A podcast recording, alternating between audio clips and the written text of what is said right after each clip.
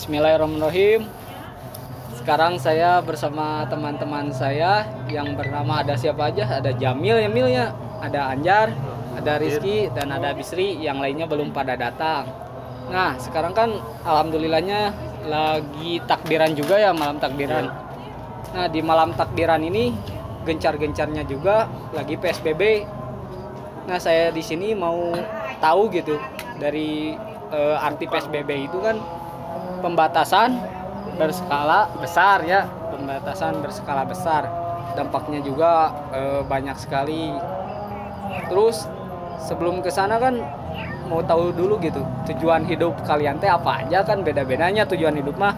Aya nu tujuan hidup naker neangan duit aya tujuan hidupna kan keneangan awewe kan beda-beda. Nah dimulai dari Jamil dulu Mil nih. Tujuan hidup Jamil kemaya Pak Ustad. Tujuan hidup. Tujuan hidup. Menurut Jamil tujuan hidup Jamil teh kumaha Mil? Supaya bisa dipertanggungjawabkan di akhirat. Hmm. mencari ridho Allah. cari ridho Allah. Jadi kumaha Mil? Kudu kumaha orang teh? Tujuan hidup teh? Mengikuti apa yang dicontohkan oleh Nabi Sallallahu Alaihi Wasallam. Ah benar benar benar. Nah terus ayat Mil? Eh, menjauhi segala larangan bisa Allah dan melaksanakan kewajiban melaksanakan kewajiban bener supaya kita bisa Hmm. menuju perkara itu kita harus latih diri Latih yang diri. paling simple introspeksi diri kita jadi setiap hari itu ada sadar diri muhasabah amal amal kita keseharian amal kemarin jauh lebih menurun apa jauh lebih meningkat? Hmm. kalau tambah hari tambah hari tambah meningkat? Nah, untuk demi tujuan suatu perkara yang diridhoi Allah itu sangat gampang. Allah. cara merubahnya dari lisan kita dulu selalu mengulang-ulang kebesaran Allah. Hmm. dari lisan timbul ke hati dari hati timbul rasa takut rasa kona'ah rasa terima apa aja yang diberikan oleh Allah Subhanahu wa taala Hmm. Ayah ada tujuan hidup Jamil tadi eh, menurut Jamil kan tujuan hidup Jamil mencari keridhaan Allahnya dengan cara kita menjalankan kewajibannya dan menjauhi larangannya. Nah, coba kita tanya ke yang lain. Jar, kumaha Jar? Kumaha kabarna? Damang Jar? Alhamdulillah Habis tepangnya bener. tahun, aduh. Jar menurut Seberapa bulan? Oh, sabaraha bulan. Sugan teh sabaraha tahun. Gimana deket Lima dekat kali nyamper. Nah gitu Jan Eh, Hayang terang, abi hayang terang gitu Tujuan hidup Anjar teh naon sih? Tujuan hidup. Hmm. Nah, tujuan hidup itu jauh bedanya sareng Jamil tadi. Ya, orang sebagai manusia kudu bisa lah Hmm. Memilih dan memilah Ah, anu bener ke orang nya kan cek rasul nya runas ampun eh kan Ustaz? Runas ampun dinas kan kan? Nya eh, manusia itu eh sebaik-baiknya manusia eh, manusia yang bermanfaat bagi manusia yang lain. Manusia Tah, tujuan hidup abi eta. Jadi ingin menjadi seorang memanfaatkan sanes teh. Misalnya manfaatnya di jalanan teh nu ketika ada orang yang membutuhkan orang teh ayolah istilahna ku nulungan ku naon ge lah carana. Yang penting mah orang mah niatna baik. Eh, niat awalnya insya Allah niat awal baik mah insya Allah kapayunan saya biasanya Benar-benar benar ya tidak beda lah. Mengikuti eh sifat rasul. Sifat Rasul gitu nya Jan da ini kan mun urang melenceng. Ke mana ini kan zaman zaman agama teh sedang dipermainkan lah. Corona mahnya Jan aduh konspirasi lah nama jadi tos Konspirasi. mulai goyang ya iman teh tak ini mah kumaha urang cara memilih dan memilah baik tina eta pergaulan dan lain-lainnya karena ini pengalaman saya gitu sebagai guru nih ngajar Hmm. eh Oh nya teman-teman Ya Ginanjar ieu teh Alhamdulillah seorang guru oge gitu Jadi seueur lah ilmunya juga banyak gitu Ah, bisa so- diambil lah Alhamdulillah Iya, gitu Ustaz. Jamil, iya. Ustaz Jamil lah ya Ustaz di dia teh Alhamdulillah Ngajar teruskan aja. Nya pengalaman ya selama yang mengajar mengabdi. Eh generasi muda ya nanti mulai goyang ya. Cenah mulai sisi akhlak. Aina eh, sekelas walaupun sekelas sekolah anu agama gini kalau lingkungannya biasanya anak itu suka bermain nu negatif wah walaupun dia di sekolah di titah ngaji titah sholat gitu tapi ketika di luar bergaulnya lingkungan gitu jadi nus dari awal di sekolah dikasih teh keluar nih silang nih karena kunaon eh, sayanya pernah nyaksian langsung ya saya pernah nyarekan oke nya berarti kan kadang aina anak dimulai pacaran itu sudah berlebihan lah istilahnya. De ngaco ya Ah, nya. ngaco lah enak mah. Kuana mah pergaulan ah ribu lah kuana mah enak tah berarti tugasnya ya itu tadi kumaha carana orang kudu bisa memilah teh dengan eta memilih. Tak tujuan hidupnya nya ingin menjadi seorang guru bermanfaat teh gitu kunaon saya.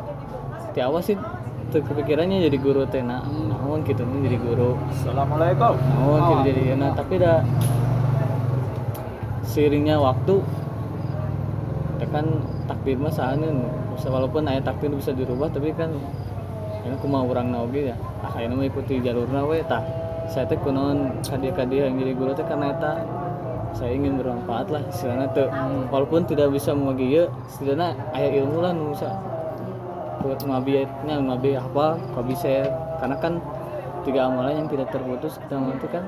Ayat tilunya. Ayat tilu. anu sedekah jariah ilmu yang bermanfaat dan doa anak yang soleh kepada orang tua taeta gitu paling saya Nah, gitu tadi tujuan hidup dari seorang Ginanjar. Nah, ya nah orang tanya deh ya kak selanjutnya. Ustaz, Waalaikumsalam. Ustaz, oke lah. Wah, ini Ustaz datang. lagi, euy. Intelijen ya. Ustaz datang. Alhamdulillah sehat. Gusi, gusi, gusi, gusi. Calik kok Ustaz, calik lah, calik lah, calik. Tetap dia kok. Ya ya Ustaz dia kerja Kang. Berjahat. Ada juga ada Asawe. Biasa, kumaha Pak Ustaz sehat?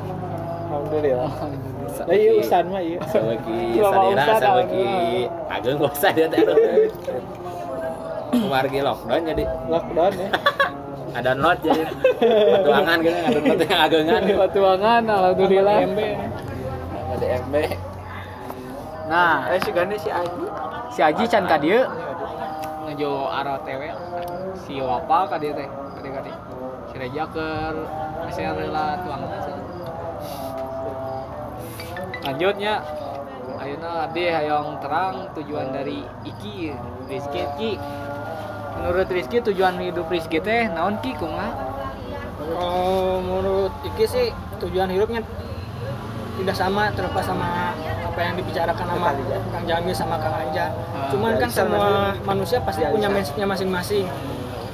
Ada yang tujuannya untuk agama dulu, Ah, percintaan, terus pekerjaan. Ada juga yang nakal terus ba- baru ke agama. agamanya ah, benar Kalau menurut Iki sih selama selama lulus SMA sampai sekarang tujuan hidup gitu masih nomaden, masih berpindah-pindah. oh berpindah-pindah Ya.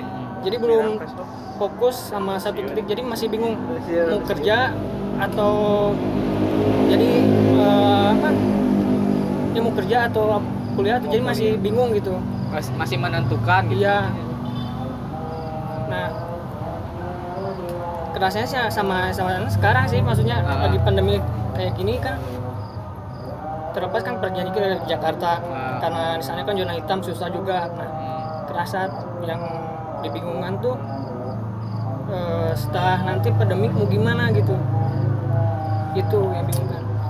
sama lagi di Jakarta kan lagi zona merah banget ya Ki kumaha betul. tah eta kondisi di, di Jakarta Ki Ya wah ngeri sih. ngerinya ya, semua akses ditutup. Makanya alhamdulillah masih bisa pulang gitu. Ah, jadi dari Jakarta sebelum itu tiga bulan dari Bandung. Hmm. mantap. Aya deui Ki. Ya jadi tujuan hidup Iki sih itu cuman jadi belum fokus sama satu titik gitu. Itu aja sih. Nah itu tujuan dari seorang Rizky ini Rizky itu artis seorang artis baru dah Alhamdulillah. teman kita Alhamdulillah. teman kita udah ada yang Talent jadi FTV. artis. Talent juga alhamdulillah. Nah sekarang kita coba ke Mas Bisri nih. Ah iya. Ketum dari sini nih. Ketum kehidupan ya, ketum, ke- ketum ke gedung. kehidupan. ke gedung Oke. nah Mas Bisri gimana Mas Bisri? Menurut Ya, Mas Bisri gini, tujuan hidup Bisri? Gini teman-teman. Gini teman-teman, uh, untuk tujuan hidup kita simpel aja sih. Sebenarnya simpel aja, sangat-sangat simpel. Kalau kalian ingin taat, taat sama yang Maha Kuasa. Satu aja, taat aja. Taat itu berarti sudah di Assalamualaikum sudah dijelaskan. Di situ sudah dijelaskan oleh Kang Jamil, oleh Kang uh, Kang Ginanjar, Kang Rizky sudah jelas di situ. Kalian taat, berbakti pada orang tua. Setelah itu berbakti aja sampai orang tua itu tidak tiada. Saya cuma segitu doang. Berbakti udah udah orang tua nggak ada, baru kita pikirkan, oh hidup kita tuh gimana nih? Waalaikumsalam warahmatullahi wabarakatuh aduh iya gimana gitu.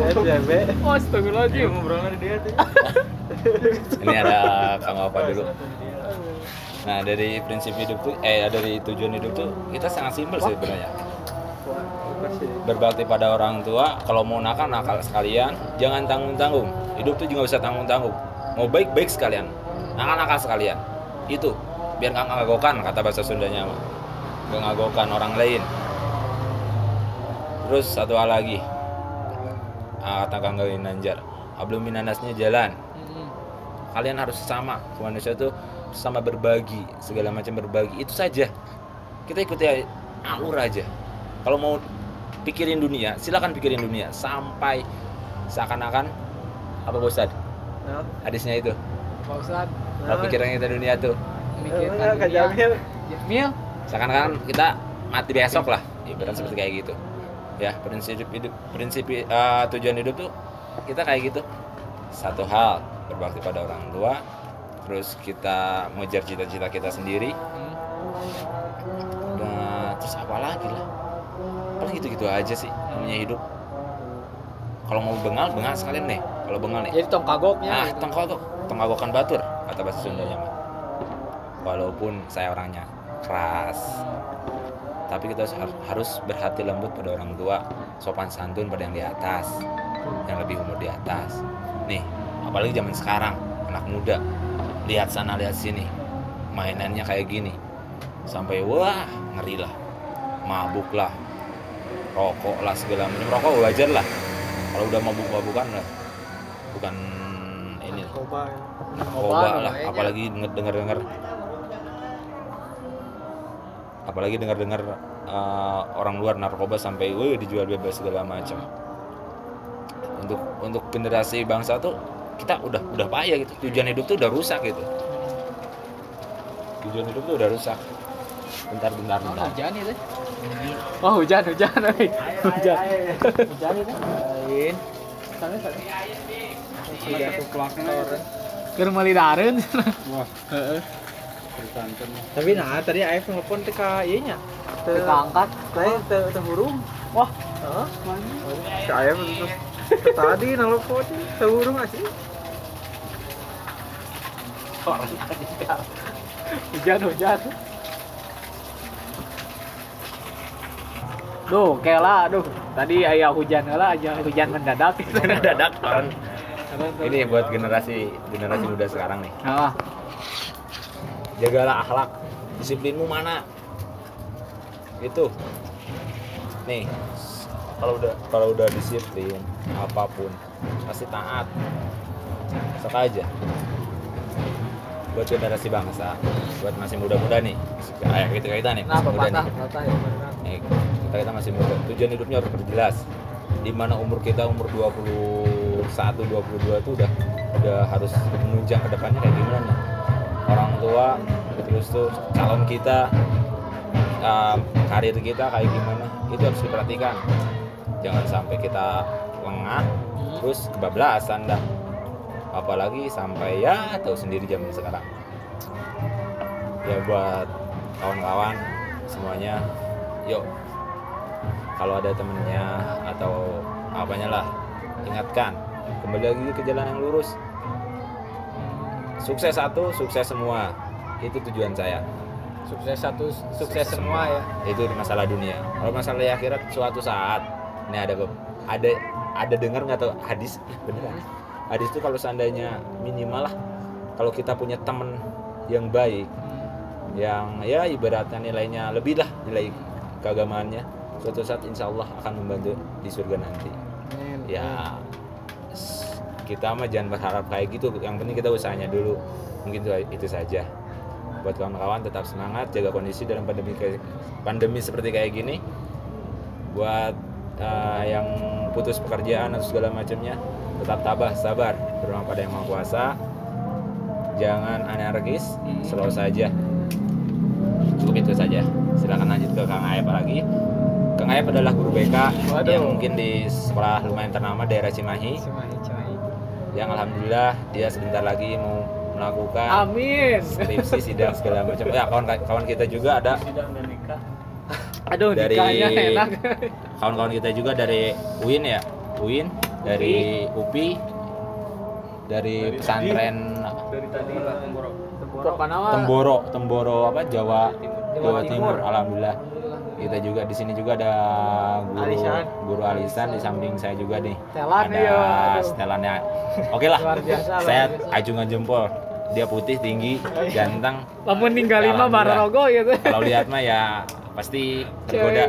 Jangan kayak gitu. Teman saya juga nih tergoda oke itu saja. Terima kasih buat kawan-kawan. Tetap semangat. Silakan.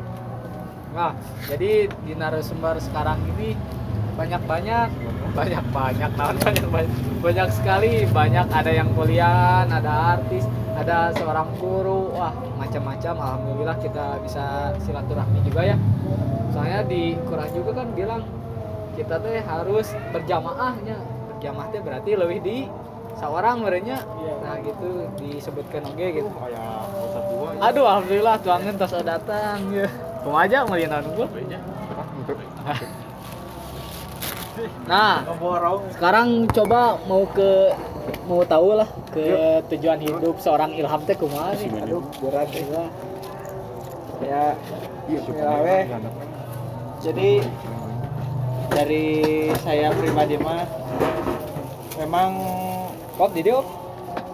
dari awal sampai sekarang itu berbeda-beda kadang tujuan hidupnya. Waktu kecil tujuan hidupnya seperti ini.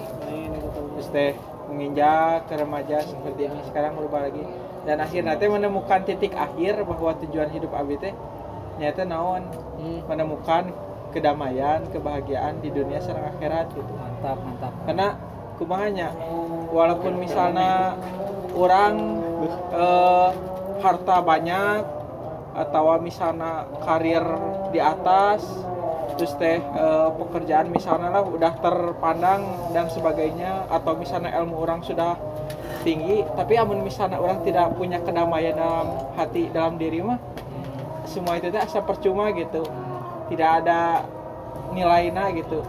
Jadi eh, kadang tapi ka tapi ka sekarang lagi saya teh masih mencari gitu kedamaian teh harus dengan cara seperti apa gitu. Salah saya jina teh ah, mungkin orang teh kudu tong eureun eureun ngadeketan ke Allah Subhanahu wa taala teh. Tong eureun eureun orang teh jang nurut ka orang tua sih jadi siga bisri nurut ka para ulama nurut ka para ustadz itu teh salah satu ikhtiar orang jangan menemukan kedamaian gitu. Jadi entong babauan oge nya misalkan eta kudu nu kaji mah kudu taatnya, taat ke orang tua heula gitu. Hmm, eh, yang di atas dari kita gitu ya. Nah, supaya kita dapat ilmunya juga, dapat apa namanya teh? Eh, berkahnya juga dari orang tua gitu nya hamnya. Terus kumaha? da emang kenapa dari ketaatan itu pertama harus pada orang tua saya pernah merasakan gitu di titik di mana tidak taat kepada orang tua itu adalah menimbulkan suatu perkara yang lebih besar kemudian gitu. Ah. walaupun misalnya orang tidak tidak nanya tidak merasakan saat itu juga tapi suatu hari teh orang teh bakal merasakan oh orang teh bakal teh taat ke orang tua teh akhirnya dampaknya jadi besar sih kieu gitu. Maka tapi kayaknya masih diajar lah gitu kumaha carana taat nu benar-benar ke orang tua teh ridho gitu dengan apa yang diputuskan orang tua seperti apa gitu. Orang kudu istilahnya mereka yang lebih paham kita gitu ngurus kita ti ker kecil sampai sekarang gitu. Mereka yang lebih berpengalaman gitu dalam hidup juga. Jadi orang teh istilahnya tong eh, kar- karena orang di sana oh orang gawe geus ngeunah ya orang ke gaji geus badag ya oh orang geus SCG S2 S3 tapi tetap amun misalnya orang doraka kanu nama anak orang tua mah eta moal aya manfaatna naonna gitu susah lagi ya Mas, ya. Misalkan kita, eh, ridho kan ada pepatah gitu. ridho orang tua adalah Allah oke ridho Allah oke gitu jadi lamun misalkan orang tua terido nya Allah oke nah Allah oke mau ridhonya kan Akhirnya mah coba coba. cuma aya deui ham Nah, nu kedua nyata orang kudu taat ke para ulama gitu. Nah, orang kudu taat para ulama teh kunaon? Karena ulama teh istilahnya nu lebih mengenal Allah jeung Rasul teh nya para ulama gitu karena al ulama u warasatul anbiya gitu. Jadi nah orang kudu nurut ka ulama amun misalnya orang ngabantah teu nurut ka ulama yang geus kayak orang jalur hidupna rek sia kumaha gitu. Orang rek pa eh non rek pagojoba derek ah pokoknya mah awut-awutan gitu atau orang er- erek nuturkan ulama gitu nu geus jelas ulama mah jalur nanti geus bener gitu sesuai dengan wahyu Allah sesuai dengan tuntunan Rasulullah teh para ulama lebih paham gitu. Tamatak orang teh istilahnya mah sakirana kadang misalnya orang tidak berbeda pendapat ya dengan para ulama ya minimal minimal mah orang menghargai mereka karena mereka itu adalah ulama gitu. Anu leuwih ngerti gitu eh lebih ngerti dibandingkan orang gitu. Nya misalnya dalam ikhtilaf misalnya cek eh, ustad iya nu kurang sok didangukeun A. Tak cek ulama nu lain B. Nya minimal mah misalnya orang pabeda-beda sia kieu teh orang ngahargaan itu nu beda orangnya tetap nurutkeun anu sapendapat yang orang itu paling eta hungkul sih saya hidup di seorang ilham Tah, ya dah kedatangan dia. Alhamdulillah narasumber kali ini yang baru apa yang baru Iya. lulus UP. SUP. Alhamdulillah sebentar lagi skripsi revisian dulu ya. Nah, yang terang itu. Wah, merapat atuh di dia ngopi lah. Serius serius. Nah, gitu. Maka maka di bebenah lah ya. Kalau tidak ini Ini kokolat lah. Atau tidak jurusan hukum. Ini jurusan jurusan hukum di hukum ya. Hukum yang Hukum tidak jelas. Zaman sekarang tuh brother, pusing. Anda sebagai jurusan hukum, bagaimana pendapat Anda tentang hukum zaman sekarang? Oke. Baru keluar Jangan dari penjara lagi. terus ya. Op, op, op, op, emang film op. Apa ayo euy? Nah, lanjut ya ke narasumber selanjutnya. Please. Ucapkan dulu selamat lah narasumber yang ini Bapak Jaldi ini baru SOP tinggal revisian dulu ya. Muli teh bubuk nih. Kalau Nah. kita lulus nih alhamdulillah bentar lagi. Masih oleh-oleh. oleh-oleh langsung ke Bali. Tinggal surat kawinnya belum. Nah, Wap, gimana Wap? Mau tahu tujuan hidup Wapatnya gimana sih? Aduh, berat eh pertanyaannya. Lain rindu hukum ya nu beratnya. Benar. Alhamdulillah ya Ah, ngobrol-ngobrol di dia bermanfaat sharingnya, ya, saling berbagi ilmu. Eh, Eh, IT saya mah rumasa sampai kapan pun masih terus akan belajar, masih terus akan merasa bodoh. Nyari ilmu mah di mana wae jeung di saha wae gitu. Fokus ke menjawab pertanyaan Aep. Apa sih tujuan hidup pribadinya? Ya.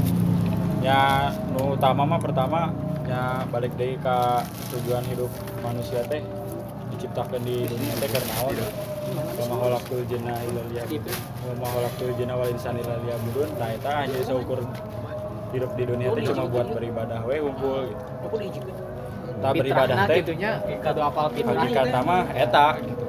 Nah, ibadah teh ibadah nu kumaha tah cek ustad-ustad ulama oge segala aspek kehidupan di dunia ini teh dari mulai bangun tidur sampai bahkan mau tidur lagi teh tidak terlepas dari ibadah. Baik ibadah mahdoh maupun muamalahna. Kumpul ki oge ibadahnya omnya. Nah, selagi eta tujuanna niatna bener positif. Balik deui ulah nepikeun ka ayeuna dina niatna oge ah pokona mah isin ah ngomong kieu mah. Ieu aya nu leuwih ngartos ah. Pertama ibadah mah doma atos lah ieu ieu tah. Saya mah ya alhamdulillah sharing lah istilah nama apa yang saya punya. Nah, saya alhamdulillah menimba ilmu teh di ekonomi dan keuangan Islam. Masya Allah. Mantap, mantap. Eh, kebetulan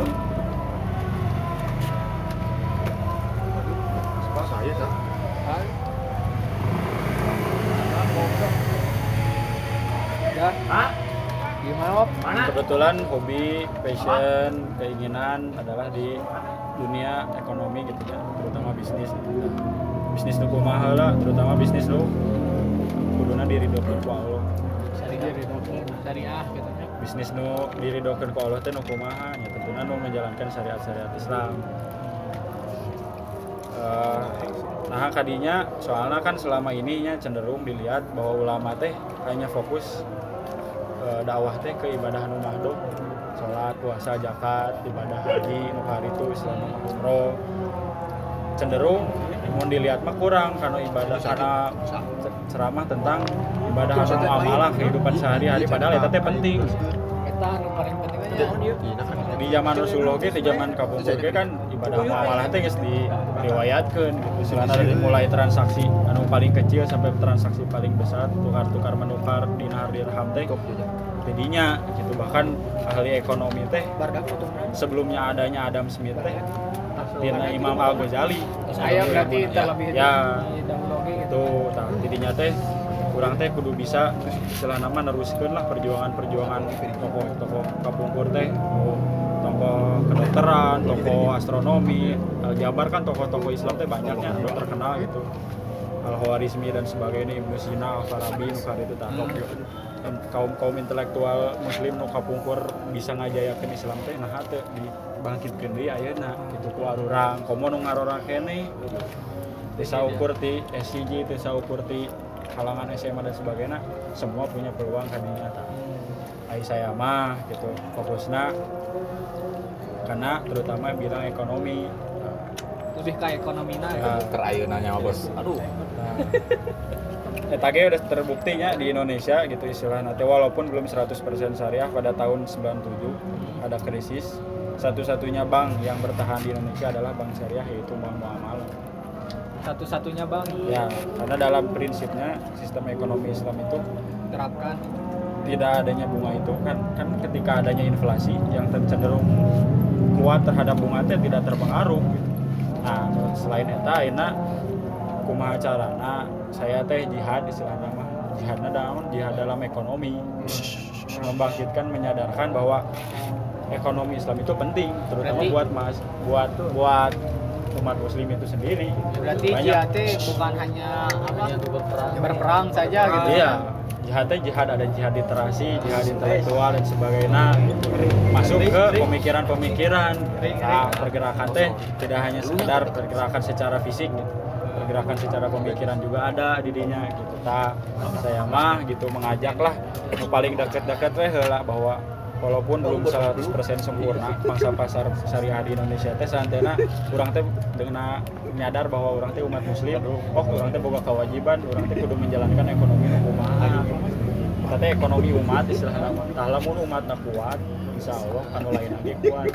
Berarti kudu kuat heula umatna gitu. iya gitu. Kudu sadar heula tah jadinya ayeuna peran sad- sadayana ulama dan sebagainya teh sok selain istilahna propaganda apa sih istilahna mah ibadah nu itu teh sok atuh kuatkeun oge ekonomina gitu istilahna teh banyak kan pengusaha-pengusaha muslim banyak istilahna tah. Potensi terutama anu terutama filantropina di zakat jeung wakaf eta teh kuat bisa. Berangkat tina zakat jeung wakaf teh bisa mengembangkan ekonomi oge gitu. Terutama tah komo istilah nama terang beren eh, Ustaz Jamil Unida Gontor beren tah kita sebagai master plan salah satu contoh di Indonesia teh contoh istilah nama percontohan di Indonesia pengelolaan wakaf dan zakat teh ada di dinya bahwa teh udah berhasil gitu. Terbukti gitu nya. nah, Nanti kita jalan-jalan ke sana, brother. Kalau ada waktu dan ada uang, ah, insya Allah, insya Allah. istilah nama singkat-singkatnya sakit we istilah nama minimal kurang sadar we heula bahwa kewajiban Insya teh Allah, aya gitu kadinya teh mengembangkan ekonomi. Minimal di dinya heula ayeuna contoh misalnya sedikit hal kecil punya akun rekening. Nah kalau misalnya puntennya masih kena konvensional sayantena walaupun belum 100% syariah bener syariah sayantena orang teh geus aya niat sehingga dengan orang nyimpen uang di syariah teh oh akhirnya kan pengelolaan dana di bank syariah itu lebih kuat lagi. Ya, bagus itu. Nah gitu. Tidinya we heula dina dasarna heula gitu. Dakwahna ka kanu deket-deket teh heula bahwa riba teh bahaya dan sebagainya itu teh penting gitu. Bahwa selama ini teh orang teh dikendalikan oleh ekonomi yang sekuler bahwa bunga dan sebagainya itu teh seolah-olah tidak berdosa. Bahwa nggak jelas istilahnya mah di Al-Quran oke kan? Di surat Al-Baqarah ayat 275 kalau misalnya orang yang memakan harta riba itu sama dengan orang yang masuk istilahnya mah kerasukan setan lah. Bahkan dosanya juga sama dengan menjinahi ibu sendiri. Ngerinya eh. walaupun hanya satu perak rupiah satu rupiah pun harta kita ada dalam riba. Dosanya tah. itu teh sama bahkan kalau misalnya ketika udah diingetin gak sih gak mau juga itu teh sama dengan memerangi agama memerangi Allah dan Rasul. Dangukeun tah pakar hukum. Tah. Kayak kan dukdak nama jeung hukum eta teh. jadinya weh lah orang ge dakwah ke diri orang sorangan ya ada orang ge. Sama gitu istilahnya mah masih kumaha kumaha ya dakwah mah wajibnya. Ya, ayeuna udah kumaha tiba-tiba hukum der ceset ceset guru nyung we jual Benghar di mana tah? Iya. Asa ke sana mah Pak Ustad. Dan Pak Ustad ya. Ajengan Pak Ustad. jadi balik deui karena tujuan hidup ya tujuan hidup mah yang tadi teh ya, hanya untuk beribadah hanya untuk beribadah gitu mau amalah oge jamil berdagang di pasar anjar di sekolah dan sebagainya termasuk lah pokoknya mah transaksi naon beli di warung dan sebagainya teh teh urang teh kudu dilandasikeun ku prinsip syariah banyak kurang dagang teh berdasarkan ibadah dan sebagainya nya. tujuan hidup mah saya pegang mah eta gitu. menjalankan fitrah gitu manusia teh. Dan fitrahna naon deui di dunia teh? Hanya seukur berlomba-lomba dalam kebaikan yang tapi berujung ke refleksi nama masing-masing lah. Karena punya jalan masing-masing kan Tuang itu Iya, martabak, telur ya. Oh, no, no, no. Aja. Dari ngarawasan? Iya narasumber nu ditunggu-tunggu. Pakar hukum pakar Kalau hukum. ketua ae narasumber teh kumaha ya? Ya? ketua pelaksana teh Gus. dari. Jadi tukang heula. narasumber terakhir nih untuk em, membicarakan tujuan hidup yang Biasa paling ditunggu-tunggu. teh paling hade Nah, biasa nama narasumber paling ade. paling hade gitu. Paling ade gitu. penutup teh Penutup teh dari segi hukumnya ya dari kacamata hukum ya kumaha ya. Menurut Reja ka Saputra, urang eta si Anjar atuh. Anak Nanti udah, ka urang. anak udah. geus kabeh mana? Banyak hukum nanyakan ke si Mana Anjar. mana mah dahar wae sih. Ana udah, dari tadi. Ah, Hotman Paris. Anak udah. Wah, orang cari ieu. Bener kene gitu. Oh. Awam kene di dunia hukum. Oh, kata gitu. Ya, Tak orang hukumnya mah yang Urang mah mere nyaho geus lulus geus tobat aja. Eta teh hukum nu diciptakan ku manusia lain hukum Allah. ah, Nah, eta Eh, sia, berat ya. tanggung jawabna teh adil kan. ya. Urang mah mere nyaho we. Tuh kowe kuliah beres Kan gitu. jawab jawab pindah jurusan deh mana. Ade. Ulah. Dia mah kan eh, sharing-sharing gitu ya. Reja punya ilmu ilmu sedikit lah. Sok salurkeun masalah gitu. Karena Indonesia teh ya keur Ah. marut lah kita ya. Merelasikan we jeung hukum Islam kumaha. Istilahnya nu paling ieu hukumannya lebih gede. Lebih gede nya. Iya, PSBB itu dicok gini. Nah, Salah eta. bikin Selanjutnya eta si kumaha tah menurut pakar hukum. Ya, menurut Reja tujuan hidup Reja teh kumaha sih sebenarnya teh? Ya pastilah ke hayang nu lebih ke jalan yang benar. Gitu. Nah, ke jalan yang Meskipun benar teh yang masih gimana? kena yang belajar, masih kena belajar. Ah. Can non sih ada tuh. Can hade pisan lah gitu. Maksudnya ka belajar lah orang Ah. hayang hijrah orang itu. Hijrah. Eh perubahan di, di, di dunia, dunia itu kan hidup teh kan kan sekali gitu lah. Orang yang berubah. Jadi harus jadi orang yang bermanfaat gitunya karena hidup itu cuma satu kali. sekali. Maka dari itu manfaatkan eh, sisa usia sekarang yang kita ini. Manfaatkan, Manfaatkan jangan sampai kita dimanfaatkan orang lain gitu ya. Benar tuh. Kata gue sarua. Bapak mah tuang wae Pak Ustad sana-sana naon itu. Alhamdulillah sesuai. Penting mah bisa kena bisa kena dahar ya kan. Nah. Tujuan hidup. Ya, ada ada lagi nggak aja? Udah. Sharing-sharing lah sedikit-sedikit. Apa ya terunggul Nah, gitu. Oh, berarti tujuan Reja mah eh, tujuan hidup Reja mah kayak berubah berubah dari ingin berubah gitu ya karena hidup itu cuma satu jalan kali. gitu. perubahan itu orang bisa istiqomah dan masih dari mana Nah, dari itu mana yang disusahkan itu istiqomahnya aja susah besok godaan kan saya semua pakai Nah, itu teman-teman tujuan Hmm. hidup dari seorang Reja pakar hukum. wah Se seberat pakar hukum se apa galanggangeun. Segalanggangeun. Nah, kan tadi udah berbicara tentang tujuan hidup. Sekarang juga kan alhamdulillah lagi eh, bertepatan dengan eh, takbiran lah. Sekarang lagi bikin podcastnya di takbiran. Nah, eh, dan juga sekarang tuh lagi maraknya tentang PSBB dan COVID-nya. COVID-19 ya yang belum saja tuntas masih saja makin hari makin banyak makin banyak gitu makin banyak yang terkena dampak eh, dampak covid itu.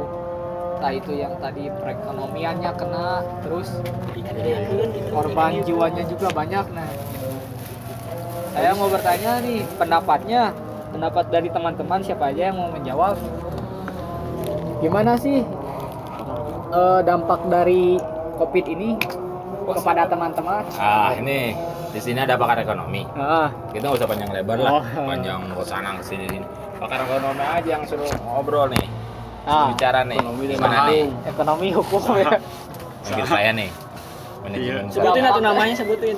Bapak Rizal ya eh Bapak Rizal. kan bapak Rizal jadi SE Eh, Amin, iya. amin, amin. Amin. Langsung ke, ke orangnya nih. Sebenarnya lumayan nih. Era eh ah oh. Apalagi sekarang belajar. Apalagi sekarang Indonesia udah posisi kayak gini nih di mana perawat sudah pasrah.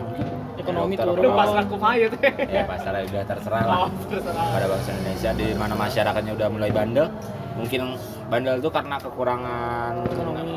ya kekurangan uang ekonomi dalam posisi kayak gini lagi.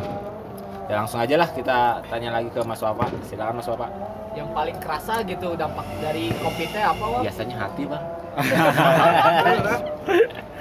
dari hati menyebar ke mana-mana.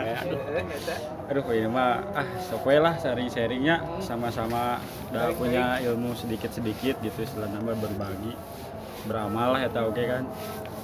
Ya alhamdulillah gitu selama selama ini berkutat di situ gitu ya. Terfokus di bagian bidang ekonom lah.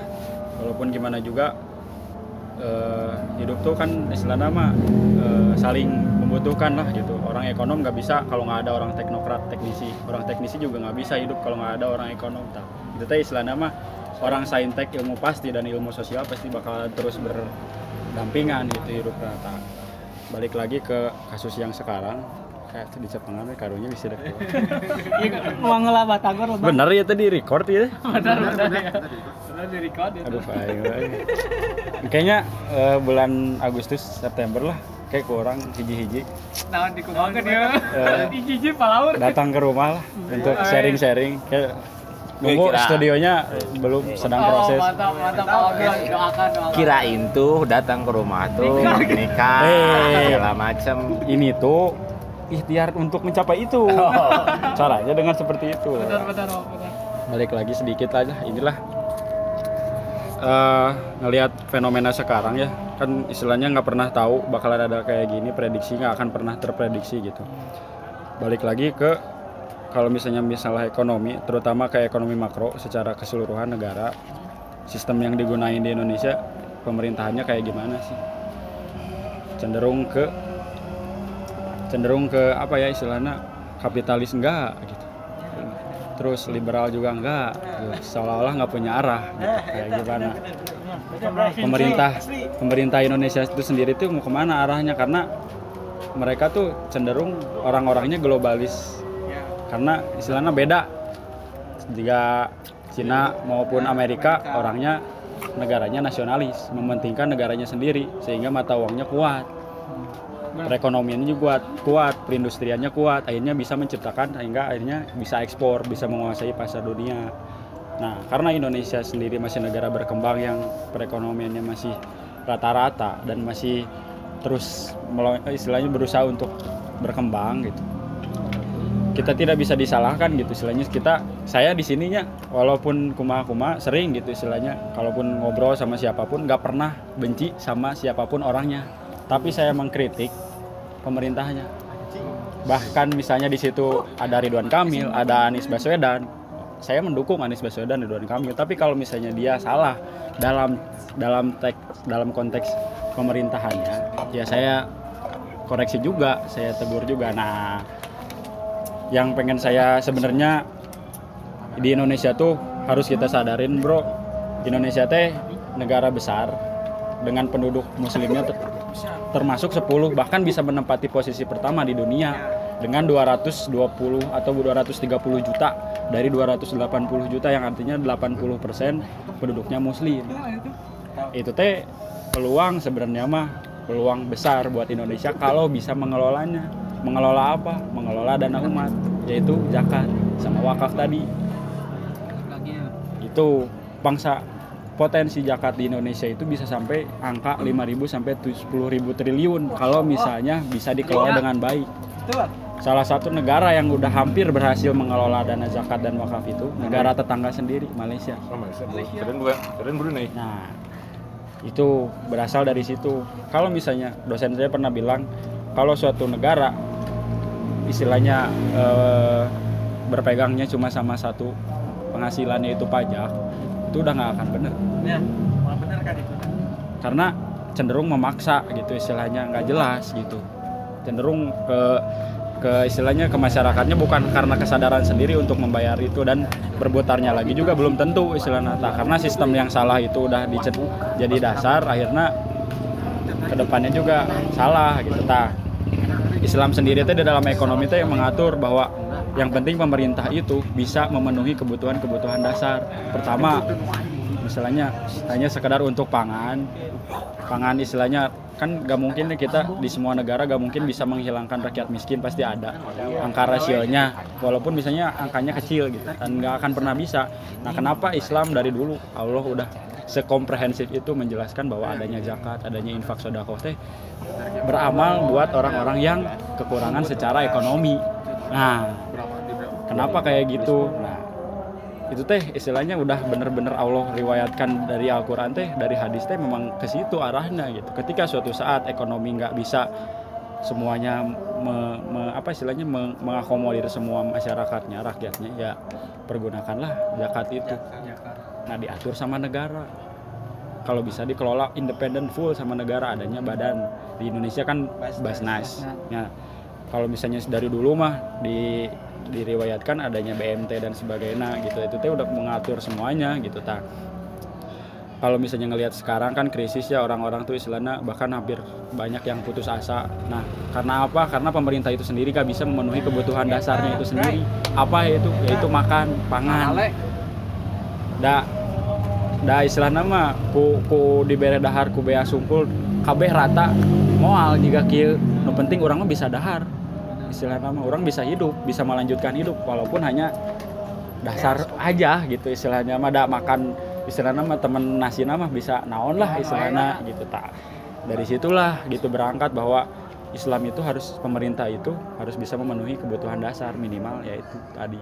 Nah, kenapa ada kekacauan di Indonesia? Karena pemerintahnya sendiri belum mampu untuk bisa memenuhi kebutuhan dasar itu sendiri. Itu karena apa pengelolaan zakatnya sendiri harusnya kalaupun bisa dari pajak ya nggak akan efektif gitu. itu gitu istilahnya. Karena arahnya ya nggak kan istilahnya mah cenderung ya saya bisa ngelihat Indonesia udah kapitalis yang kaya semakin kaya yang miskin semakin miskin. Dan nggak akan pernah istilahnya pemerintah nggak akan pernah mau tahu gitu. Lu, lu mau mati lu mau nggak bisa makan lu mau hidup kayak gimana melarat kayak gimana ya terserah lu gitu istilahnya. Yang penting. Yang penting gue bisa ngejalanin apa yang penghasilan orang-orang tinggi ya udah gitu nggak peduli nggak punya tingkat kesadaran gitu. Nah, makanya adanya ini teh banyak kan alhamdulillah orang-orang yang bersedekah mau meluangkan rezekinya buat dibagikan. Nah itu gitu. Makanya balik lagi intinya mah kesadaran bahwa semua teh umat teh saling terutama umat muslim tak. Kembali lagi tahap luminanas Nah, itu hablum minana, sablum minallahnya juga kena gitu. Selain kita buat berguna buat masyarakat, buat sesama, tapi kita juga sambil beribadah buat Allah. Zakatnya kan ada pahalanya gitu. Nah, yang ditanggung kedua, poin kedua, kenapa sekacau ini kan harusnya negara Islam tuh atau negara tuh menanggung tiga aspek, satu keamanan, kedua kesehatan, ketiga ekonomi, bahkan pendidikan itu harus ditanggung, bahkan yang non Muslim pun harus kayak gitu. Cenderung akhirnya puntennya men- menyindir, aduh terserah bisa ya polisi orang disebut HTI dan sebagainya, mangga itu istilahnya. Karena kalau misalnya terus-terusan kayak gitu ya kumaha istilah nama terus kan cenderung di Indonesia tetap memegang teguh ideologis eh, Pancasila Bhinneka Tunggal Ika nggak boleh istilah nama memegang satu agama. Negara teh Islam nggak boleh gitu istilahnya karena didasari oleh itu gitu tak mereka yang takut yang ditakutkan yang nggak mau teh karena terancam gitu. Ketika Islam berjaya di Indonesia ya mereka yang berkuasa itu nggak bisa. Nah gitu. Padahal istilahnya orang-orang non muslim minoritas teh bakal dijamin sama negara jangan takut aduh nanti saya nggak bisa ini saya ini dan sebagainya. Nggak bisa. Dari dulu juga kaum kafir berdampingan dengan Islam gitu. Jadi krisis-krisis yang terjadi sekarang adanya terusnya diterapkan adanya bunga terus eh, pajak masih terus ini ai pajak dan bunga cenderung mengikat kan istilahnya mau lu punya duit atau enggak ya lu harus bayar gitu istilahnya. Beda sama zakat hanya orang-orang yang mampu aja zakat juga bisa dipakai buat infrastruktur buat ngegaji karyawan menggaji PNS dan sebagainya pengelolaan infrastruktur negara dan sebagainya tak eta gitu. Makanya sekarang teh sok bareng-bareng istilah nama punya komunitas iya komunitas di dia komunitas di dia sok bangun ke- kekuatan ekonomi umat nah istilah nama mandiri umat teh. Contoh yang udah paling dekat ada DT Darul Tauhid. Dari mulai wakaf terus zakat dan sebagainya terus eh, UK UMKM nah ekonomi bisnis dan sebagainya itu udah mulai gitu. Terutama gontor juga nyamilnya pasti di pondok pesantren ge bang wakaf kuatnya istilah nama gitu istilah nata. Makanya sok atuh itu istilah nama. 200 juta jiwa penduduk muslim Indonesia teh masa mau kalah sama orang-orang sekuler? Nah dulu juga Islam tuh bisa bangkit Islam tuh kuat bisa menguasai negara seluruh dunia dari mulai aspek yang istilah nama filosofi dan sebagainya eh, non teknis dan ilmu pasti maupun ekonomi nanti kuat kenapa kita sekarang enggak gitu. sok berperang secara, secara intelek lah gitu. Istilah nama fisik nggak mungkin kan bambu runcing deui gitu. Sok gitu. Da aranjeun di dia teh punya kekuatan masing-masing gitu. Istilahnya punya power masing-masing gitu di mana-mana pun juga. Tapi tujuannya harus disamain dulu. Ke mana gitu. Insya Allah lah. Tujuan dulu ya, ya. Biar. Jadi akhirnya bisa mengatasi krisis-krisis yang ada gitu istilahnya. Terutama lagi masalah kayak gini. Kalau misalnya dikelola dengan baik seperti itu mah insya Allah. Mual ayah orang yang sampai kelaparan bahkan di Serang kemarin ada ibu-ibu yang meninggal gara-gara sama sekali gak makan tak itu teh kalau sadar mah pemimpin teh udah dosa besar bisa bikin rakyatnya kayak gitu teh. Tuh, tah. itu berat ya. Dari saya mah gitu dari kacamata ekonomi mah mengatasinya seperti itu gitu. Mangga ya mungkin eh, Yang mau sharing lagi, Bisri. silakan yang mau sharing lagi. Apa sih ke gua? Lu nih yang pakar hukum gimana nih posisi hukum tadi? hukum nah sok atuh. ini pakar hukumnya makan terus sampai perutnya lihat tuh oversize perut aduh. Nah, dampak yang terasa aja apa aja? dampak apa punya duit kan? Dampak dari, dari Covid PSBB ini yang kerasa nih. Yang kerasa Ah. bagi eh, halayak, halayak se masyarakat pasti inilah eh, ek- dengan ekonomi. Lebih ke rejanya apa yang kalau saya pribadi sih sebagai Sebagai- status status sekarang kan pelajar atau mahasiswa. Ah. Eh, dengan ada dengan adanya psbb atau covid ini eh, status pelajar, pelajar kan sekarang jadi kul- kuliah online gitu kan. Jadi tidak tatap muka. Menurut saya kuliah online itu kurang ini ya kurang efektif kurang efektif gitu. efektif saya lebih efektifnya lebih sukanya dengan kuliah tatap muka atau secara langsung Hmm. karena kalau misalkan kuliah online itu eh, bakal ber- berdampak, berdampak juga kepada mahasiswa belum lagi kan yang daerahnya terpencil Da- pertama masalah itu jaringan gitu kan belum lagi kan kalau misalkan sekarang kan tugas ujian kan tergantung dari koneksi internet Hmm. Masalah sedangkan, gitu. nah, sedangkan ini kan kita kan misalkan eh, ekonomi pas-pasan Hmm. Untuk beli kuota pun untuk untuk makan pun susah. Nah bagaimana? Putus sedangkan putus- keputusan eh, dari pihak kampus itu bakal eh, bakal ada kom- kompensasi. Potongan biarlah pada bulannya itu buat biaya kota tapi sampai sekarang masih aja masih eh, ada saja kampus yang belum bisa belum mencairkan. menyeluruh gitu ya? Belum menyeluruhnya belum menyeluruh untuk dengan kon- adanya kompensasi itu. Itu sih paling dengan terasa itu ya karena covid ini berdampaknya itu doang sih. itu doang. Ada lagi? Coba dari teman-teman. Sedikit menambahkan ya. Eh, nya ini mah sekedar sharing aja gitu. Berdasarkan informasi atau hasil sharing dari teman-teman saya yang lain yang sudah saling berbagi gitu. Sebenarnya tadi kan sudah diwakilkan lah dari Reja sama dari Wapa gitu yang terdampak terdampaknya. Jadi yang saya simpulkan itu memang dari segi lini kehidupan itu semuanya terdampak gitu. Pertama dari ekonomi ya kan?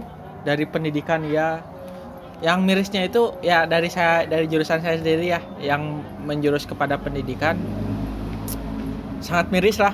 Karena eh, gimana ya Indonesia itu meminta apa ya istilahnya ingin itu eh, menyamakan operasionalnya itu sama dengan negara-negara yang sudah maju gitu. Tapi dalam realitanya itu eh, fasilitasnya kemudian dari kurikulum dari kemudian dari metodenya itu belum merata gitu. Yang di kota-kota memang bisa menyesuaikan gitu bisa menjalankan. Tapi kan misalnya yang dari desa-desa terpencil dari daerah-daerah yang sangat istilahnya jauh terbelakang gitu itu kan artinya harus ada inisiatif dari gurunya masing-masing gitu dari sekolahnya masing-masing gitu. Harus ya harus ada pengorbanan yang lebih gitu. Mereka harus mencari berbagai cara gitu bagaimana pendidikan itu terus harus berjalan gitu dengan fasilitas yang seadanya dengan metode yang seadanya gitu. Akhirnya kan eh, saya juga pernah lihat gitu ada seorang guru kan yang rela dia itu mengunjungi rumah Iya. muridnya satu persatu gitu demi mengajarkan pelajaran-pelajarannya gitu Oh ya, karena orang tuanya itu misalnya kalau misalnya mereka ingin daring ya eh, belajar secara online, mereka tidak punya HP yang istilahnya Sinyal. cukup gitu, cukup standar gitu, atau misalnya bahkan terkena. TV juga mungkin tidak ada gitu. Jadi harus oleh gurunya gitu satu-satu dan itu eh, bukan sekarang aja dalam pandemi gitu. Di apa ya istilahnya di di sebelum-sebelumnya juga banyak kan guru-guru yang rela berjalan 5 km berjalan kaki dia dari jam 5 subuh sampai ke sekolahnya jam 7 pagi. Terus seperti itu pulangnya. Itu yang ya dia lakukan gitu tiap hari. Itu itu terjadi di NTB gitu. Banyak malahan yang seperti itu. Ada yang rela dia itu eh, apa berpanas-panasan gitu. Eh, rela bertelanjang kaki seorang guru ke sekolah demi eh, mengajarkan murid-muridnya gitu. Karena kalau misalnya mere- mereka mem- memakai seragam terlebih dahulu ditakutkan sudah kotor duluan gitu. Karena jalannya yang sangat parah gitu. Eh, fasilitas eh, apa ya istilahnya penghubungnya itu masih belum bisa merata ke daerah-daerah terpencil gitu. Oleh karena itu saya itu kadang suka heran terheran-heran gitu. Jadi eh, banyak di lingkungan kampus saya itu yang eh, menuntut revolusi 4,0 bahkan 5.0 tapi yang dinya yang kenyataannya itu yang terjadi itu ya Indonesia itu belum sanggup sampai ke sana gitu. Jangankan 5,0 revolusi industri 5,0 4,0 juga menurut saya belum belum ini gitu. Memang kalau misalnya dari segi dari segi fasilitas teknologi sudah banyak lah yang menjual gitu yang mulai dari harga yang murah sampai harga yang mahal sudah ada. Tapi bukan itu saja yang harus diperhitungkan gitu kesanggupan mentalnya kesanggupan mentality seorang eh, individualnya itu apakah sudah siap dalam menjalani revolusi industri 4.0 yang cenderung nanti digitalisasi gitu se- segalanya online segalanya cukup praktis gitu. Karena yang saya perhatikan menjelang 4.0 saja ini sudah banyak eh, istilahnya dampak-dampak negatif yang terjadi gitu di individual masing-masing. Seperti ya eh, orang-orang jadi semakin apatis kemudian orang-orang semakin egois gitu semakin mementingkan diri sendiri tidak mementingkan kepentingan orang lain gitu semakin individualis. individualis. Bahkan saya ingin me- mengkritik eh, ini ya eh, mungkin kalau misalnya ada yang pernah melakukan jangan tersinggung. Saya ingin mengkritik orang-orang yang suka mengumbar kegiatan pribadinya di SW atau di IG yang yang bersifatnya itu privasi gitu. Ya maksudnya itu kalau yang bersifatnya manfaat mah nggak apa-apa gitu. Ini yang bersifat privasi saya ingin mengkritiknya gitu. Buat apa dia mengumbar privasinya kegiatan privasinya yang seharusnya cuma dia atau keluarganya yang tahu? Ini dia umbarkan kepada orang lain gitu. Apakah itu tidak sama dengan mengumbar aib sendiri-sendiri gitu? Bagaimana Allah akan mengumbar eh, menutup aib dia sedangkan dia juga mengumbar aibnya sendiri gitu? Padahal nggak boleh yang padahalnya nggak boleh gitu. Saya ingin mengkritik gitu bahkan saya pernah sering malahan waktu eh, hari-hari kemarin gitu orang-orang yang suka mengumbar makanan waktu berbukanya gitu ya dia posting di SW atau di IG saya saya langsung tegur orangnya gitu Eh, kamu harus ketahui bahwa setiap dari setiap teman-teman kamu itu tidak mempunyai nasib sama seperti kamu gitu. Mungkin di luar sana ada teman kamu yang ya mungkin karena pandemi ini makan juga dia susah gitu. Mungkin eh, orang tuanya juga kebingungan untuk mencari makanan bagaimana kamu leluasa mengumbar makanan yang kamu eh, akan makan waktu buka puasa sedangkan teman-teman kamu banyak yang sedang kesusahan gitu jadi menurut saya di Indonesia ini belum cukup lah, belum siap lah dalam menjalani revolusi industri 4.0 atau 5.0. Mungkin kita harus berbenah dari diri sendiri dulu. Apabila diri kita memang sudah benar-benar siap secara mental, secara teknologi, secara fasilitas, barulah kita mulai gitu. Mungkin seperti itu saya tambahan dari saya. Terima kasih. sia-sia atau tanya Nah gitu. Jadi ngobrol teh manfaatnya lain sake saukur orang eh, apa? Kopi rokok. Ngopi ngarokok gitu. Jadi kita di sini teh bisa bawa pulang gitu. Sedikitnya ada bekal ilmu juga gitu.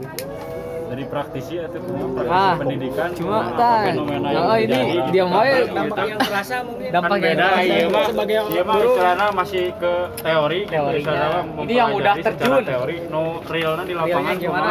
masalah yang terjadi gitu. kesulitan. Sharing-sharing saja sharing-sharing saja. Ini yang langsung merasakan gitu. Kopi, Assalamualaikum. Soal naon ya? Ini nih. dampak yang Eh, terasa. Gereja nih, dampak terasa dari- dari Ini covid ini. nih sama si Reja nih, nih. dari covidnya Ah. eh, jawab? Sami seperti yang Ilham. Serius sebagai gurunya realnya yang katanya. Eh, guru kerjanya enak gini gini gini padahal realnya itu guru itu perjuangannya lebih lebih kayak yang tadi kata Ilham. Banyak yang lebih mementingkannya. Istilah kira kasar nama yang kalau yang punya anak nih. Lebih mementingkan anak orang lain. Enak anak sendiri terbengkalai istilahnya gitu. Jadi kesejahteraan guru teh masih sangat di bawah rata-rata lah istilahnya mah. Aina katanya guru honorer akan diangkat PNS sampai sekarang belum gitu teh. Malah ada yang udah 25 tahun honorer tetap aja jadi honorer. Gajinya pentingnya ya mah bukannya membuka aib gaji dan ini. Setiap guru mengajar per jamnya teh. Paling paling besarnya gitu ya lima puluh ribu per itu besar deh. jadi kalau misalnya ditatain sebulan paling dapatnya kalau yang full jam itu di bawah UMR Sangat. sangat di bawah UMR berarti benar ya eh, disebut lagi guru teh tanpa jasa iya gitu. betul itu jadi orang-orang hebat kalau nggak ada guru buat apa gitu orang-orang Nah. hebat terlahir dari seorang guru Nah, ya. gitu. Jadi realnya itu kan melihat kata orang ah jadi guru enak ini. Menurut saya yang sudah terjun ya eh, kata saya tadi bukan hanya untuk mendidik anak supaya menjadi pintarnya. Pintar mah gampang lah. Tapi nu jujur eta nu saya tak akhlaknya. Karena sekarang zaman sekarang anak zaman sekarang ya itu tadi lingkungan udah berubahnya situasi di Cikobegi tadi di sekolah bisa dididik baca Quran ngaji sholat ketika keluar rumah di lingkungannya kan lingkungan beda lagi ya. Kadang ada yang mengajak yang negatif. Jadi yang di sekolah itu kan untuk ngaji itu tuh hilang. Jadi kembali lagi bukan hanya untuk si misalnya si orang tua kadang orang tua tuh pergi kan kita udah sekolahin di sekolah cina. Kenapa kita harus didik nah itu salah. Kenapa di sekolah itu cuma berapa persen sisanya itu di rumah. Tanggung jawab orang tuanya jadi kalau ada Jadi anak guru, yang guru itu sebagai uh, orang tua kedua gitu. Iya. tua kedua kan terkadang si eh, orang tua pasti nyalahin anak saya jadi gini karena pengalaman banyak. Yang gitu misalnya anaknya teh rokok misalnya teh nih. Misalnya kenapa disukain agama teh kakak ngerokok? Itu kembali lagi ke orang tuanya lingkungan. Karena di sekolah cuma berapa jam? Dari pagi sampai ke jam 3 sisanya di rumah hari libur di rumah kan di sekolah. Makanya enak kudu istilahnya si cik abg guru makanya harus nuturkeun budak batur eh budak sorangan kalaparan. Itu banyak terjadi. Jadi seakan-akan orang tua teh benar kita nitipkeun teh geus Nah. titipkeun gitunya. Terkadang orang tua tuh lepas tangan kan Nah, istilah nama terus tanggung jawab. Jadi anak yang ngerokok teh ah eh, itu guru si itu bisa ngajar kena kieu kieu kieu. Jadi jangan seutuhnya teh ke guru we nyalahinnya teh. Karena orang tua di gitu sekolah mah cuma melanjutkan pendidikan yang Nah. keluarga. betul. Benar benar benar. Karena sisanya kembali lagi ke orang tua lingkungan. Mungkin gitu Web. jadi lah istilah nama eh, saya gitu mewakili guru. Inginlah eh, kepada pemerintah teh sentraan guru teh tingkatkan lah karena nah, ya itu tadi kalau nggak eh, orang-orang hebat tuh karena guru gitu. Kemuncul tiba-tiba jadi orang hebat tuh enggak realnya begitu karena banyak rekan-rekan guru saya guru-guru saya juga begitu. Sampai ke anak nanti ada yang nangis nah ini. Tapi kan si orang tua mah nggak tahu mau tahu lah. Pokoknya anak saya harus ini ini nih mereka nggak berpikir bahwa kita juga punya anak. Punya anak orang misalnya di teu diuruskeun gitu. Istilahnya kasar nama daharna di itu di iya iya na kayak budak batur gitu harus kembali lagi ke situ. Jadi eh, kementerian eh, sekarang Penadian bagus sebenarnya.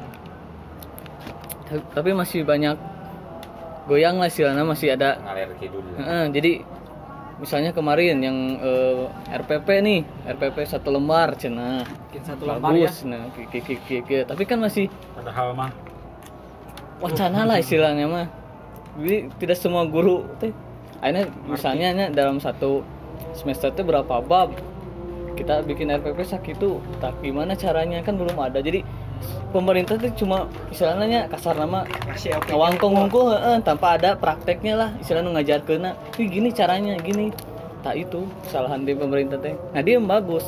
Satu lembar bagus benar meng- mengawet kertas kayak kan biasanya RPP satu lembarnya paling paling benar sekian tuh bisa teh. Nah ini di satu lembarin tah tapi satu lembarin kumaha carana maksudnya jadi belum ada yang mengajarkan. Ya gini cara bikin RPP satu lembar teh gini yang harus diambil per subbab deh misalnya dari semester satu sabab teh tah sakieu we nu diambil teh nu penting teh. Gak ada yang ada yang jadi. Belum ada gitu. belum ada. Begitu jadi ah, masih goyang lah gitu. Jadi banyak harus ada perbaikan lagi. tambah sekarang covid kan ah cina. Kadang-kadang main ada di berita cina. Anak terbebani soal-soal dan guru enak seenak-enaknya eta kan memberikan soal dan guru cina enak. Malah sebenarnya tinggal kopi di rumah. Padahal tuh gitu. nah realnya saya gak realnya saya sendiri harus online ngecek siswa absen. Seperti biasa kalau misalnya ada yang kesulitan kemarin ujian yang kemarin online. Kalau ada kesulitan saya telepon saya call gini gini gini. Jadi seakan-akan si orang tua teh ah cina guru teh enak kita memberi tugas sungkul cina membani unggul padahal kan kenyataannya kita guru juga kerja sebenarnya. Sama gitu kerja Iya. aja. Tapi dengan cara karena ada wabah ini dengan cara online gitu ya. Tapi kan terkadang eh, orang tua menanggapnya ah cina iya mah guru nah yang membani. We cina seperti kan kata Pak Ganjar Pranomo Jawa Tengah jangan membani siswa dengan tugas-tugas yang berat. Ya sekarang gini kalau siswa tidak diberi tugas seakan-akan lepas tanggung jawab. Karena kan disangkanya ah kita libur realnya kalau siswa tidak diberi tugas ke mana-mana saya sendiri suka melihat anak tuh berkeliaran main. Kan di situ dijelaskan diliburkan itu bukan untuk libur atau main tapi belajar di rumah. Belajar di rumah gitu ya. Garis bawah ya tebalin belajar di rumah bukan main. Jadi kalau ada orang tua yang protes kenapa beri tugas gini-gini berarti punten-puntennya kembali lagi. mungkin ah, orang tuanya nggak gimana lah gitu ya. Paham gitu ya. Nah ke situ maksudnya teh gitu. mungkin dari saya gitu teman siap siap ada oke Ustad ya lain gimana Ustad nih? Ustad sharing-sharing. Iki dari Iki. Ya Jamil. yuk Ustad Dari Mas Jamil. Ustad ya? Mil kumaha pandemi pandemi. Pandemi tadi dampak. Dampaknya bagi Jamil bagi Soalnya- Jamil nih. so agama ya. Dari segi agamanya gitu gimana Mil? paling besar paling dari ekonomi. Ekonomi sama gitu Iya. kerasa banget gitu. Kerasa sampai-sampai sharing sama tukang ojek. Hmm. kalau masalah krisis moneter segala macam yang kerasa ini Hmm. corona. Kok bisa semuanya ditutup segala akses segala macam cuman kalau kita ikut ekonomi aturan agama Islam contoh baitul mal. Baitul mal diambil dari zakat-zakat setiap orang Islam yang namanya orang fakir miskin nggak ada. Ditutup dari baitul mal itu sendiri. Ada urusan segala macam ini itu kekurangan. Ditutup dari baitul mal. Tapi di Indonesia yang jalan itu dia. Yang miskin tambah miskin yang kaya tambah kaya. Seperti tadi di eh, Bisri eh, pernah bilang apa Eh, yang kaya semakin kaya dan ini kali oh iya apa ya eh yang tadi Bisri yang sebelumnya apa mati yang bertahan apa Oh, seleksi alam. seleksi alam seleksi alam juga gitu Sekarang zaman seleksi alam. Hmm, Lanjut dulu mas.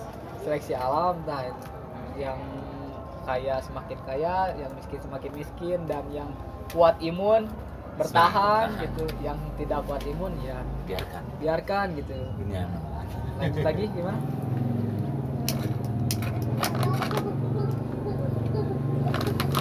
kerasa berarti Mil ya ekonomi teh ekonomi gimana ada lagi Mil buat sharing-sharingnya ke orang lain. Nah, Mel mau, mau nanya ya, nah ada Eh, silakan berhubung ya Nya, di RW saya sendiri, Pak, ya. di RW saya sendiri. Masih gara-gara corona ya. Aduh, eta mah saya nya miris kemari waktu hari Jumat. Sebenarnya nanti masjid itu terus dibukanya. Tapi dengan eh, aturan lah istilahnya protokol kesehatan yang sudah ditentukan. Tapi gara-gara corona iya, akhirnya banyak orang berdalih sih kieu. Ah, orang rek Jumatan, ah Jumatan we. Ah, orang mau Jumatan, geus we pada aya urusan corona dah geus we salat di rumah. Tak kan jadi bingung ya teh. Aya nu Jumatan, aya nu henteu ya teh.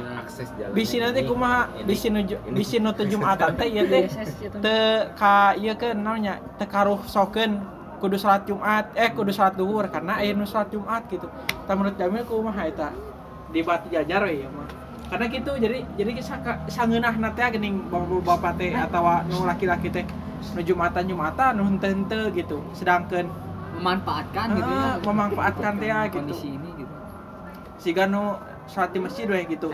Ah peda peda corona ya salat di rumah. Padahal kan bisa gitu karena masjid nu terus dibuka gitu. Kumaha menurut Jamil Id we ya besok Id kan. Jadi masih ada pro kontra lah istilahnya ya sa, sa iya gitu. Masyarakat juga masih bingung sangat Heeh, jadi bingung. Namun cara menanggapi nanti. Cara menanggapi. Punya alat yang khusus menangani corona dilihat diteropong dari segi badan. Oh dia merah. Nggak boleh nggak boleh. Jumat takut ada apa-apa. Itu kalau ada alat yang paling canggih ya. Kalau nggak ada alat seperti ini sak jadi kita ragu. Gimana?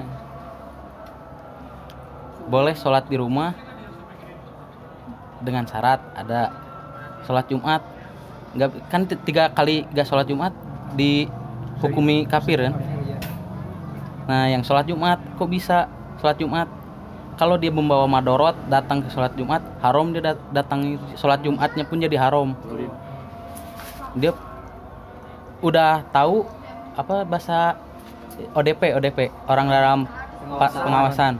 dia udah diponis jadi ODP tapi tetap aja ngelanggar. Dia bisa-bisa hukumnya bisa jadi haram. Cuman kalau udah terbukti kalau belum terbukti kembali ke diri kita sendiri. Urusannya dengan hati. Hati gak bisa dibohongi. Nah masalah hati Allah yang tahu. Kembali ke pembahasannya. Kita sholat di rumah tapi rukhsahnya gimana nih? Keringanannya. Sholat di rumah cuman ada yang sholat Jumat. Kita wajib sholat Jumat atau enggak? Gara-gara sekarang ada madorot ada uzur. Nah di situ kita bisa ngambil kesimpulannya. Mau sholat di rumah silahkan. Mau sholat Jumat silahkan. Cuman kalau badan segala macem bisa dicek. Nah itu baru di situ tuh. Punya alat canggih kita lihat orangnya. Oh dia aman masuk masuk. Oh dia merah. Pergi sebelah sana. Gitu. ya. jadi aya pilihan tapi kieu mah jadi sholat Jumat teh opsional gitu aman kieu carana mun opsional. Maksudnya teh opsional teh eh nya tiasa tia, mangga bangga bade mangga hente gitu. Hmm. kumaha? Kalau sholat Jumat kan pertama wajib. Nya. Dengan syarat tak aya madorot. Nggak ada nggak ada efek lah buat yang lain. Kalau ada efek dia haram sholat Jumat sekarang di Indonesia tinggal mengikuti MUI kan. Kita kan kayak kanjeng Rasul dulu kan. Berarti sebutnya apa? Ada empat. Empat. Yang pertama diambil dari Quran hadis sunnah. Nuka ketiga ijma ulama. Ijma ulama ulama kumpul. Saya kemarin sidang isbat. Nah itu iz- ijma jadinya di diputuskan bahwa kudu kitu kudu kitu nah ijma nuka hiji kias nuka tiga opat kias menyamakan. Menyamakan. Satu antara yang lain. terakhir. Kias berarti kita ijma ya? Ijma. Ijma ulama Ijma ulama. dasarnya seperti apa ada dalil ada itu. Ya, baru diputuskan. Dan seperti kayak dan gitu. ulama ge merumuskan itu bukan tanpa dasar dan sebagainya bukan tanpa pertimbangan gitu. Udah bener-bener komprehensif lah Membolak-balik. istilah nama. Akhirnya keluar keputusan itu ya udah ikuti hargai cuma masyarakat kitanya masih kalau dari segi hadis datang tidak sami itu fil ardi wabaan apabila terdengar di suatu daerah ada wabah kita jangan datang di situ. Dan apabila kita berada di situ kita jangan keluar dari negara situ. Ya tinggal kita kesadaran masyarakat sih sebenarnya. Kembali kesadaran masyarakat pemerintahnya harus gercep gerak cepat. Nah masih kembali ke pemerintah. Masih lambat masyarakat kurang sadar. Ya mungkin ini kembali lagi ke hukum alam. Monggo silakan. Ini mah imunnya harus sekali ya kuat. Tapi sedikit nambahin aja sedikit aja ini mah berpendapat pribadi gitu. Kadang orang tuh ngelihat fenomena atau misalnya ngelihat sesuatu itu terlalu fokus sama satu titik yaitu titik negatif. Nah kalau saya pribadi ya cenderung lebih ke oke lah bakalan terus ada sisi negatif dan positif. Tapi kalau kita terus-terusan ngambil sisi negatif mau kapan selesainya? Nah. Gitu. Banyak loh istilahnya dari adanya kejadian ini fenomena ini teh. Fenomena istilahnya mak hikmah mau izo dari kejadian ini tuh positifnya banyak gitu istilahnya. Kita akhirnya sama keluarga jadi lebih dekat Ya, lagi. Terus kita jauh gitu. yang biasanya akhirnya kita di luar terus kadang lupa sholatnya nanti aja dulu dan sebagainya. Itu teh akhirnya kan jadi jadi merubah merubah pola hidup yang asalnya ah di jalan nanti lah gitu istilahnya mas sholatnya pas nyampe di rumah dan sebagainya. Seolah-olah eh, terlalu fokus sama kehidupan dunia. Tah dengan adanya kayak gini teh seharusnya ya Allah teh pengen mungkin yang saya ambil mah sok gitu istilahnya fokus sama teh ibadah walaupun hanya di rumah gitu. Tapi lebih fokuskan lagi jangan terlalu fokus sama kerja jangan terlalu fokus sama kumpul-kumpul yang kurang penting dan sebagainya gitu nongkrong dan sebagainya. Tah akhirnya masuk gitu istilahnya adanya kayak gini teh yakin bahwa ada orang orang beriman ini teh yakin datangnya dari Allah dan udah dituliskan sama Allah bahwa suatu saat bakalan ada terjadi seperti ini. Ambil hikmahnya dari situ eh gitu istilahnya mah. Istilahnya banyak istilahnya dengan adanya kayak gini kan walaupun ada kematian tetap tapi kecelakaan di, di jalan berkurang. Terus orang-orang yang ribut di jalan berkurang dan sebagainya itu tuh banyak banyak banyak benar-benar hikmahnya yang bisa kerasa secara real. Minimal untuk diri kita pribadi itu aja. Kita lebih jadi berhemat jarang keluar rumah walaupun ada kebutuhan lain tetap pengeluaran. Seenggaknya yang seharusnya kosnya bisa keluar setiap hari ini jadi bisa kita refleksiin lagi. nah itu ay saya sedikit berpendapat ya gitu. jadi jangan terlalu fokus ah ini ini dan sebagainya. terlalu negatif, memperdebatkan negatif karena memang bakalan terus didebatkan cuma kalau misalnya kita terus berjerumus ke arah-arah itu ya ya gimana gitu istilahnya gitu. masyarakat, masyarakat kita tuh udah udah udah udah pada pinter sebenarnya. Bener kan?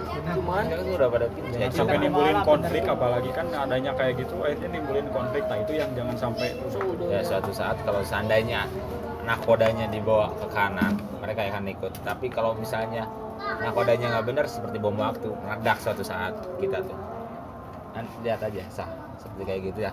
Ini mah eh, apa? Ini ngebahas tadi tujuan hidup kemudian psbb dampak bagi pendidikan kayak gimana ekonomi udah jelas dengan syariat syariat agamanya kayak gimana tentang sholat apa sholat jumat. Apalagi sekarang mau posisi mau sholat idul fitri lebaran. Ya mohon maaf nih buat teman-teman telah hadir di acara duluan lah. Ini tuh di acara ya ngobrol-ngobrol santai sebenarnya.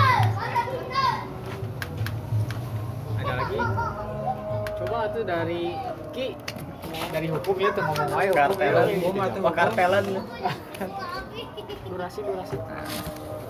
Ya alhamdulillah kalau kalau sudah nggak ada lagi yang berpendapat kita cukupkan saja. Sebelum kita cukupkan, saya mau eh, mau satu satu kali lagi pendapat dari kalian atau masukan dari kalian untuk eh, negara ini lebih baik dan untuk masyarakat masyarakatnya juga lebih baik. Gimana nih masukannya buat buat pandem- pandemi ini dan besok kan Idul Fitri nih.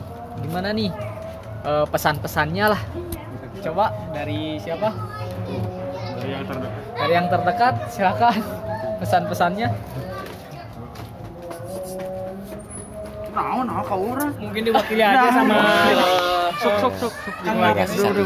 Kang apa wakilin aja kang apa Atau Eh, kali awal lah, Yuk. sekata sekata kita, kata. kita rumuskan. tetap semangat bagian kom tetaplah menjadi orang yang jujur. Tetaplah menjadi orang yang jujur. Silakan Jar. Silakan Jar apa? Em, buat bangsa Indonesia tetaplah bersabar brother terus tuh buat perawat tetap semangat perawat dan dokter ya garda yang terdepan eh garda yang terdepan di dunia kesehatan. Eh, jangan pantang menyerah Eh, kalian. Keluar keringat segala macam itu adalah barokah. Semoga yang di atas eh, memberikan eh, apa? Ya begitulah saya nggak bisa ngobrol panjang-panjang nih. Monggo silakan. Mantap, mantap. Ya dari saya mungkin eh, di bulan yang insya Allah berkah ini. Dan besok kita menghadapi eh, Lebaran ya Idul Fitri. Kita sucikan hati kita niat kita ikhtiar dan tawakal. Usaha terutama harus tetap kita galangkan ya bersama doanya. Mudah-mudahan eh, setelah selesainya bulan Ramadan ini virus-virus yang ada di dunia ini Allah angkat kembali dan kita bisa berkumpul bersama keluarga dan bisa bertemu dengan teman-teman kembali dengan keadaan semula. Pokoknya insya Allah eh, semua kejadian pasti ada hikmahnya. Amin ya rabbal alamin. Kami mengucapkan Stay safe, stay safe. Dari Ki coba. Ki pesan-pesannya. Tetap apa? ya pokoknya buat teman-teman yang ada di sini tetap jaga kondisi ya stay safe sih. pokoknya jangan tong ke mana lah tong hayang mudik-mudik eta intinya Heeh. Isi tak balik deui. beda eh ya Ya, alhamdulillah eh, mungkin untuk pertemuan kali ini saya cukupkan dulu. Terima kasih teman-teman, rekan-rekan yang sudah mau sharing-sharing berbagi ilmu tentang eh, tujuan hidupnya dan yang lain-lainnya. Semoga dalam pertemuan ini da- awal pertemuan ini menjadi berkelanjutan jadi ilmu baru juga yang bisa didapat. Saya saya akhiri saja. Assalamualaikum warahmatullahi wabarakatuh. Oh iya, besok lebaran nih alhamdulillah karena oh ya assalamualaikum warahmatullahi wabarakatuh poho poho poho poho besok lebaran nih edisi lebaran kita kita, kita mengucapkan dari keluarga besar Amirogo mengucapkan